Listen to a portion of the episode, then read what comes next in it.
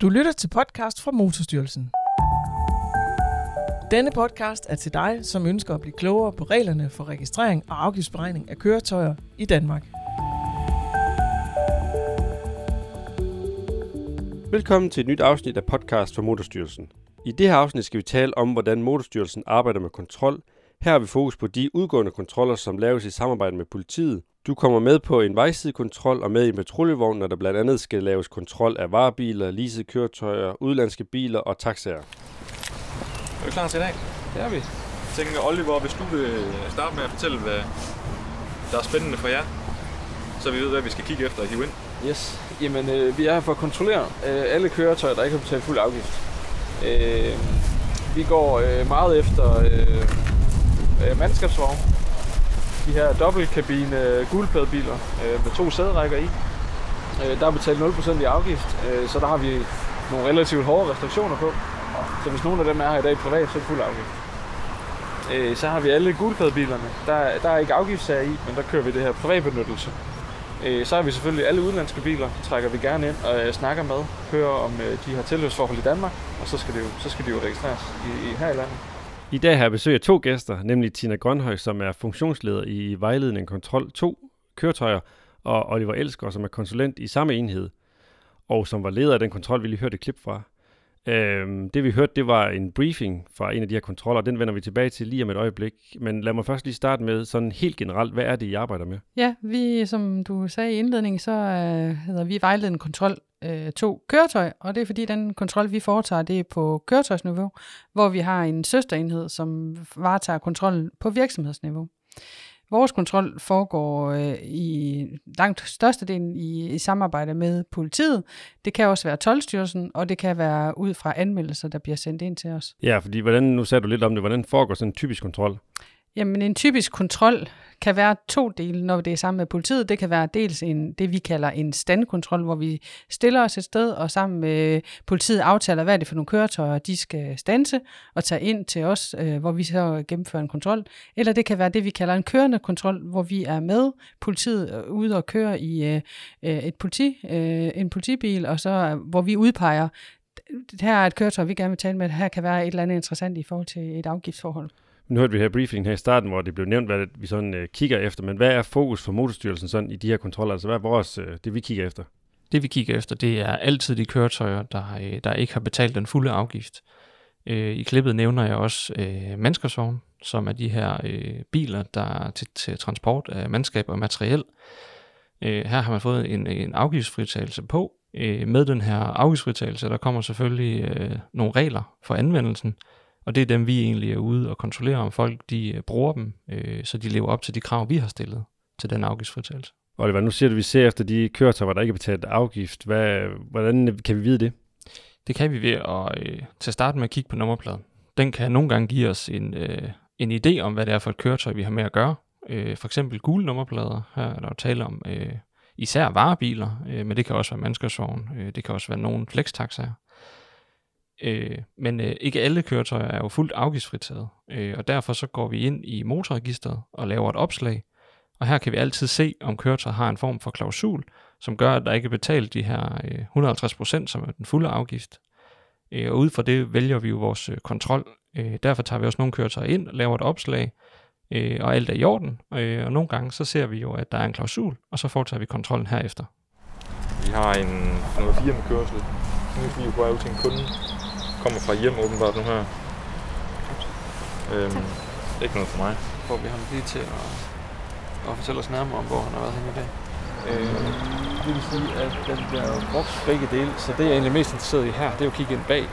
Ja. Du ved, kunne de have bygget seng og alle de her beboelsesting, ja. så vi skal have fuld afgift på det. Det her klip, det er en vejsekontrol af to forskellige varebiler, og det første, vi hørte, det er politibetjenten, der siger, at der ikke er noget interesse for ham, og så overgiver han sagen til jer.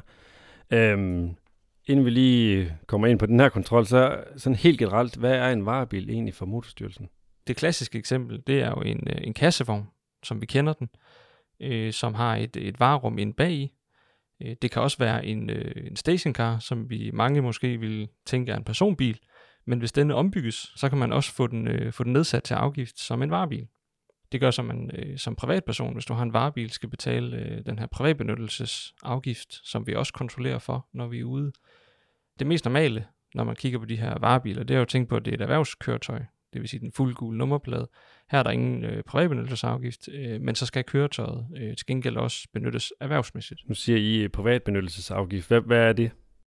Jamen, det er jo øh, en afgift, du betaler på et øh, køretøj, som jo er indregistreret øh, typisk med en nedsat afgift øh, som varebil, men hvor du ved, du det her køretøj skal du også anvende privat. Altså for eksempel en stationcar, som Oliver Ja, ja, lige nøjagtigt. Og hvis du så har ønsker at anvende det køretøj også privat, jamen så betaler du en privatbenyttelsesafgift. Og det er der, vi typisk ser jo, hvad hedder det, øh, papegøjepladen, øh, hvor du har den sammenblanding af øh, den gule og, og den hvide plade der på varebiler med på de gule plader. Jamen, der har du også mulighed for at, at, at, at købe øh, et dagsbevis, hvor du så betaler privatbenyttelsesafgiften på, på, på det køretøj. At du eksempelvis vil bruge det til at flytte øh, for noget familie eller lignende, så har du mulighed for at, at købe det fri på sådan en, en dagsform, ja. Og hvordan mange dage er det er, Oliver, man kan gøre det om året? Det er, det er 20 dage på et kalenderår, man kan købe øh, det her køretøj frit til den private anvendelse. Oliver, nu hørte vi her i lydklippet, at du gerne ville se ind i varerummet på de her varebiler. Hvorfor det? Det vil jeg gerne for at se, øh, om, øh, om indretningen lever op til de krav, vi har stillet for at få den her afgiftsnedsættelse. Bag de her varebiler ser vi nogle gange, at øh, folk har indrettet det til øh, beboelse, hvor man simpelthen øh, fastmonterer seng og hylder og skab og skuffer, øh, og nogle gange også øh, både sæder og bord. Øh, og det må man altså ikke øh, i, de her, i de her varebiler. Hvis man gerne vil have bygget sin egen lille form for, for autocamper bag de her varebiler, jamen, så skal man betale den fulde afgift øh, og få dem på, på hvide nummerplader, og så må man sådan set bygge den om, som man vil. Øh, og når vi snakker øh, indretning af varebiler til beboelse, så oplevede vi jo i hvert fald især i forbindelse med corona, at der, at der kom et, øh, et øget behov øh, om, at folk havde lyst til at, at købe en varebil, indrette den som en camper og komme ud og, og, og hvad skal man sige, opleve den danske natur. Øhm, og det har, det har så affødt, at, øh, at vi er gået i gang med noget øh, vejledning og, og, og prøve at lave noget vejledningsmateriale til, til øh, den, de, de enkelte øh, brugere af borgere, øh, der ønsker sådan en varebil, øh, der skal indrettes. Så, så mange gange så afleder vores kontrol jo også, at vi, at vi går hjem og får, får kigget på, har, har vi vejledt øh, godt nok? Er, er der noget her, vi kan, hvor vi kan blive skarpere på noget vejledning, som er konkret i forhold til det, der rører sig lige nu, ikke også? Vejledningen her, øh, her hos os er også meget forskellig, fordi vi har jo den brede vejledning, øh, som går på øh, ud til medierne. Øh, vi har også en mere en-til-en vejledning, som er noget af det, vi har med i vores enhed, hvor vi for eksempel, når vi, når vi kontrollerer det her, øh, den her varebil, eller autocamper, eller mandskabsvogn, at vi så udleverer flyers eller folder, hvor der står på, hvordan de må, må benytte deres køretøj. Så det kan også være, hvis, hvis vi har lavet en kontrol, og der ikke er noget galt, og så udleverer vi bare det her materiale som en, som en form for vejledning i at, at hjælpe dem i at bruge deres køretøj korrekt.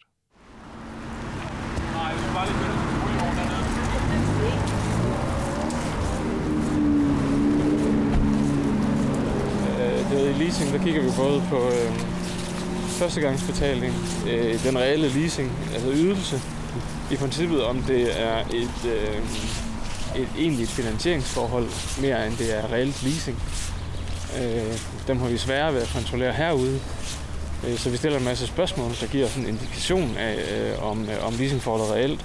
Og så går vi hjem, og så øh, indkalder vi yderligere materiale. Vi kan se øh, selve leasing. Nu, øh, I det her klip, der hører vi en, øh, en dyrere leaset bil, der bliver stoppet. Og Oliver, du fortæller allerede lidt om, hvad det er, øh, vi har interesse i som motorstyrelse. Hvad er det så, du kigger efter?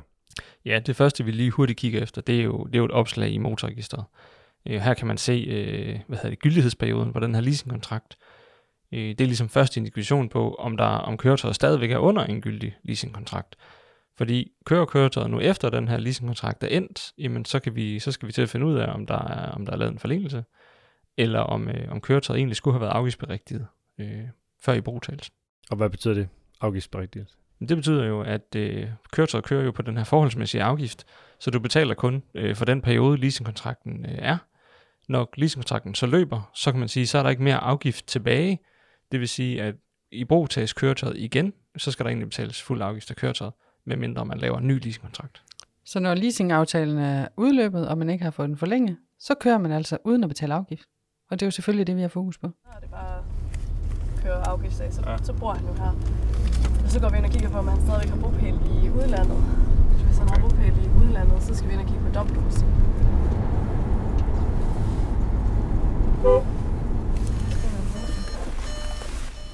Her var det en udlandsbil, der blev stoppet. Alt var så i orden ved den her kontrol, og den fik lov til at køre videre. Men hvad er vores interesse i udlandske biler? Ja, vores hovedinteresse er jo, at udlandske køretøjer jo ikke er registreret i motorregisteret som udgangspunkt. Øh, når man ikke er registreret i motorregisteret, så er der selvfølgelig heller ikke betalt afgift. Men udlandske køretøjer har øh, flere forskellige grunde til ikke at være registreret her i landet. Så derfor så kigger vi jo på, for det første, hvor lang tid har man, har man opholdt sig, øh, og hvad er ens tilhørsforhold til. Øh, I Danmark har vi jo meget øh, udlandsk arbejdskraft, øh, som oftest kommer fra, fra andre EU-lande. Øh, og når de kommer hertil, så har de deres egne biler med. Og som udgangspunkt øh, er der ikke noget galt i det, men vi går ind og kigger på, ja, som sagt, hvor lang tid har man været her, og hvornår begynder forholdet til Danmark og lignende, at man skal registreres her i landet, og dermed også betale registreringsafgift. Så hvor længe må man så køre rundt i Danmark i et udlandsk bil, uden at betale registreringsafgift? Jamen, som udgangspunkt, så har du 30 dage. Hvis du tilflytter til Danmark og har øh, dit udenlandske køretøj med, så har du 30 dage til at, at få sikret, at det bliver øh, hvad hedder det, øh, indregistreret på danske nummerplader, og du betalt, får betalt den danske afgift. Men der kan være sådan nogle forskellige øh, ting, der kan, øh, hvis du har bevaret din bopæl øh, i, i, dit, i dit hjemland, øh, og dit tilhørsforhold dertil, tilsiger, at det er der, du har øh, den største øh, livsinteresse, jamen så, så kan det være, øh, at vi kommer ind og kigger på det, vi kalder dobbeltdomicilreglerne.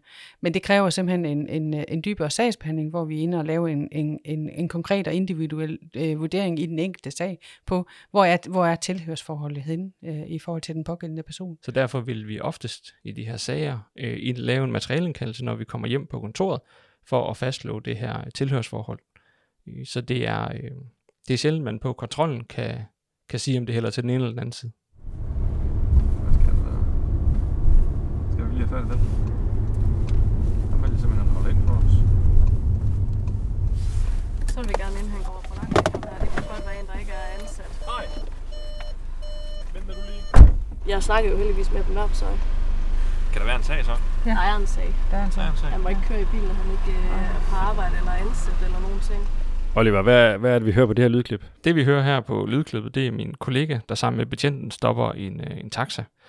Øh, I den her taxa, der har vi set, at der er, der er to mænd i, og vi er derfor øh, selvfølgelig interesseret i at få øh, begge forklaringer på, hvad de her personer laver i køretøjet. Og hvorfor det? Jamen det er jo vigtigt for os for at se, om, øh, om den her kørsel har været erhvervsmæssig. Øh, og det kan vi jo eksempel kigge på ved at sige, er begge kø- personer i køretøjet ansat i virksomheden? Øh, eller har de en, øh, er det en familiær relation? Er, kører man bare rundt med en ven? Eller, og giver man et lift? Eller er det en kunde? Der kan vi jo kigge på taxameteret. Øh, er det en betalende tur? Eller er det bare øh, en, det, vi kalder en privat anvendelse af den her bil? Og det er selvfølgelig vigtigt for den afgiftsnedsættelse, der er på køretøjet som taxa, at man lever op til de regler, der er. Det vi hører på lydklip her, det er det, I typisk støder på, når vi snakker taxaer. Nej, det, det vi faktisk typisk ser, det er jo, at, øh, at der ikke er en, en, en kunde eller en anden person i bilen, men at, øh, at det er taxachaufføren, der anvender køretøjet øh, forkert. Og med forkert, der mener jeg til et privat formål. Øh, typisk er det, måske vi ser, at, de har været, øh, at taxichaufføren har været inde og handle på vej hjem. Vi har også set eksempler på, at man transporterer øh, et barn øh, til skole eller daginstitution. Øh, så det er, det er mere typisk, at, at det, det bliver anvendt privat. Her til sidst, hvad er en god kontrol for jer? Jamen en god kontrol, det er, at vi har fået foretaget mange kontroller, og at, øh, at, at kontrollerne viser, at, øh, at der er styr på tingene, at øh, borgerne Øh, øh, har, har styr på, hvad det er for køretøjer, og hvordan de må anvende det her køretøj. Det synes jeg er en rigtig, rigtig god kontrol. Øh, og dem oplever vi jo heldigvis mange af. Og ja, så er vi derude, og vi ser øh, nogle ting, som vi så tager med hjem og undersøger nærmere, og, og det ender øh, måske i nogle sager, hvor, hvor vi kan opkræve et, et pænt stort beløb i, i en afgift, som ikke er blevet betalt, øh, som den skulle. Tak til Tina Grønhøj, funktionsleder i Vejledning Kontrol 2 Køretøj, og Oliver Elsker, som er konsulent i samme afdeling. Du finder det her afsnit og vores tidligere afsnit, der hvor du plejer at finde podcast. Husk, du kan også abonnere på den, så får du altid det nyeste afsnit direkte i din afspiller. Vi lyttes ved i næste afsnit. Mit navn er Jesper Nørgaard Reinvaldt. Tak for denne gang. Du har lyttet til podcast fra Motorstyrelsen. Du er forhåbentlig blevet klogere, selvom podcasten kun er introduktion til emnet. Hvis du har brug for fyldesgørende information, kan du finde links i afsnittets show notes og via Motorstyrelsens hjemmeside. Tak fordi du lyttede med.